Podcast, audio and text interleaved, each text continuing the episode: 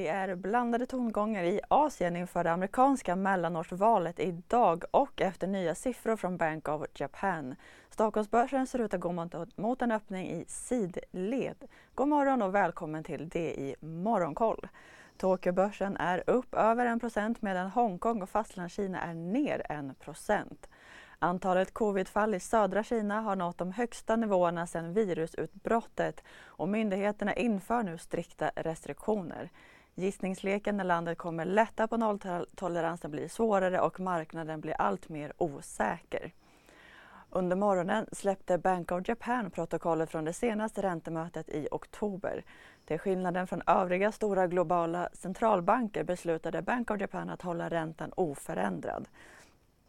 Enligt protokollet ser ledamöterna inget behov av att förändra penningpolitiken just nu utan framhåller att en mer expansiv politik behövs för att få upp produktiviteten och lönenivåerna.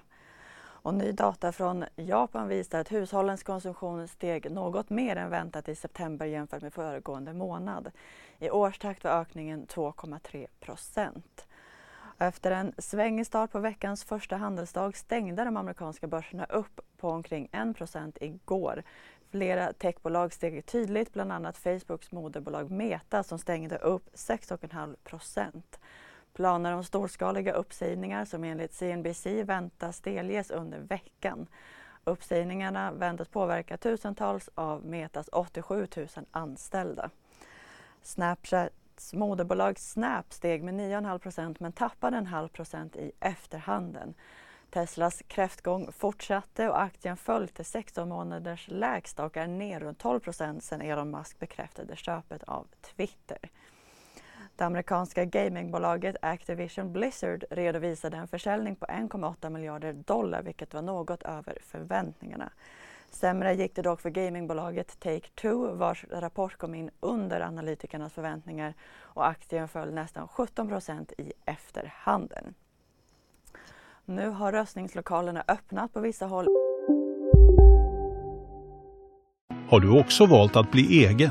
Då är det viktigt att skaffa en bra företagsförsäkring. Hos oss är alla småföretag stora och inga frågor för små. Swedeas företagsförsäkring är anpassad för mindre företag och täcker även sånt som din hemförsäkring inte täcker. Gå in på swedea.se företag och jämför själv.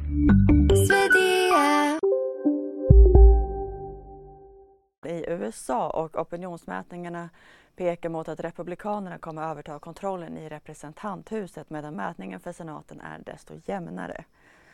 Så till Sverige där rapporterna börjar trilla in igen.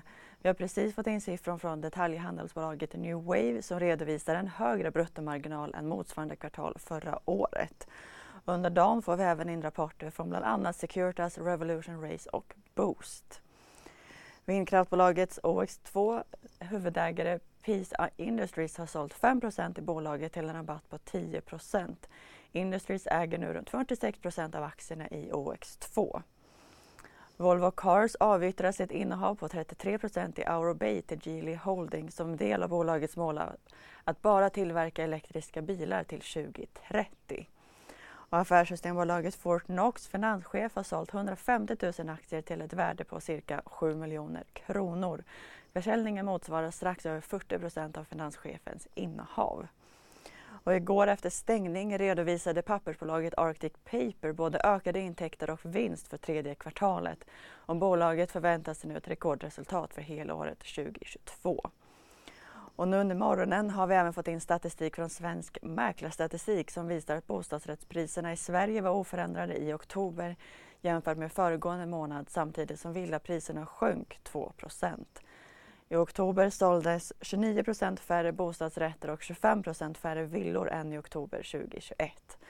Bostadsrätter i Storstockholm går dock mot strömmen och stiger 2% i oktober.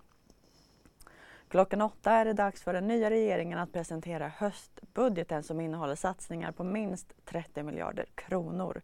Igår aviserades att klimatbonusen avskaffas för bilar från och med imorgon.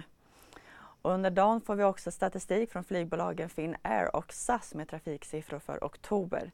Förra veckan visade norska Norwegian siffror att passagerartrafiken ökade med 69 procent i oktober. Det var allt för nu. Missa inte Börsmorgon kvart i nio. Ha en bra dag.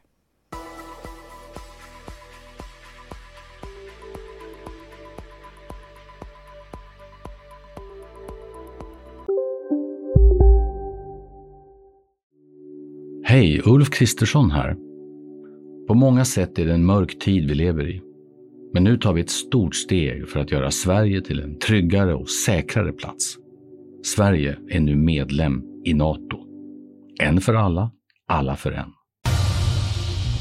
Expressen gör varje vecka podden Politikrummet där vi djupdyker i det senaste och viktigaste inom svensk politik. Med mig, Filippa Rogvall, som programledare tillsammans med mina vassa kollegor. Och det är ju ni som heter Thomas Nordenskjöld, Anette Holmqvist och Viktor Bartkron. Politikrummet kommer med ett nytt avsnitt varje tisdag. Vi hörs!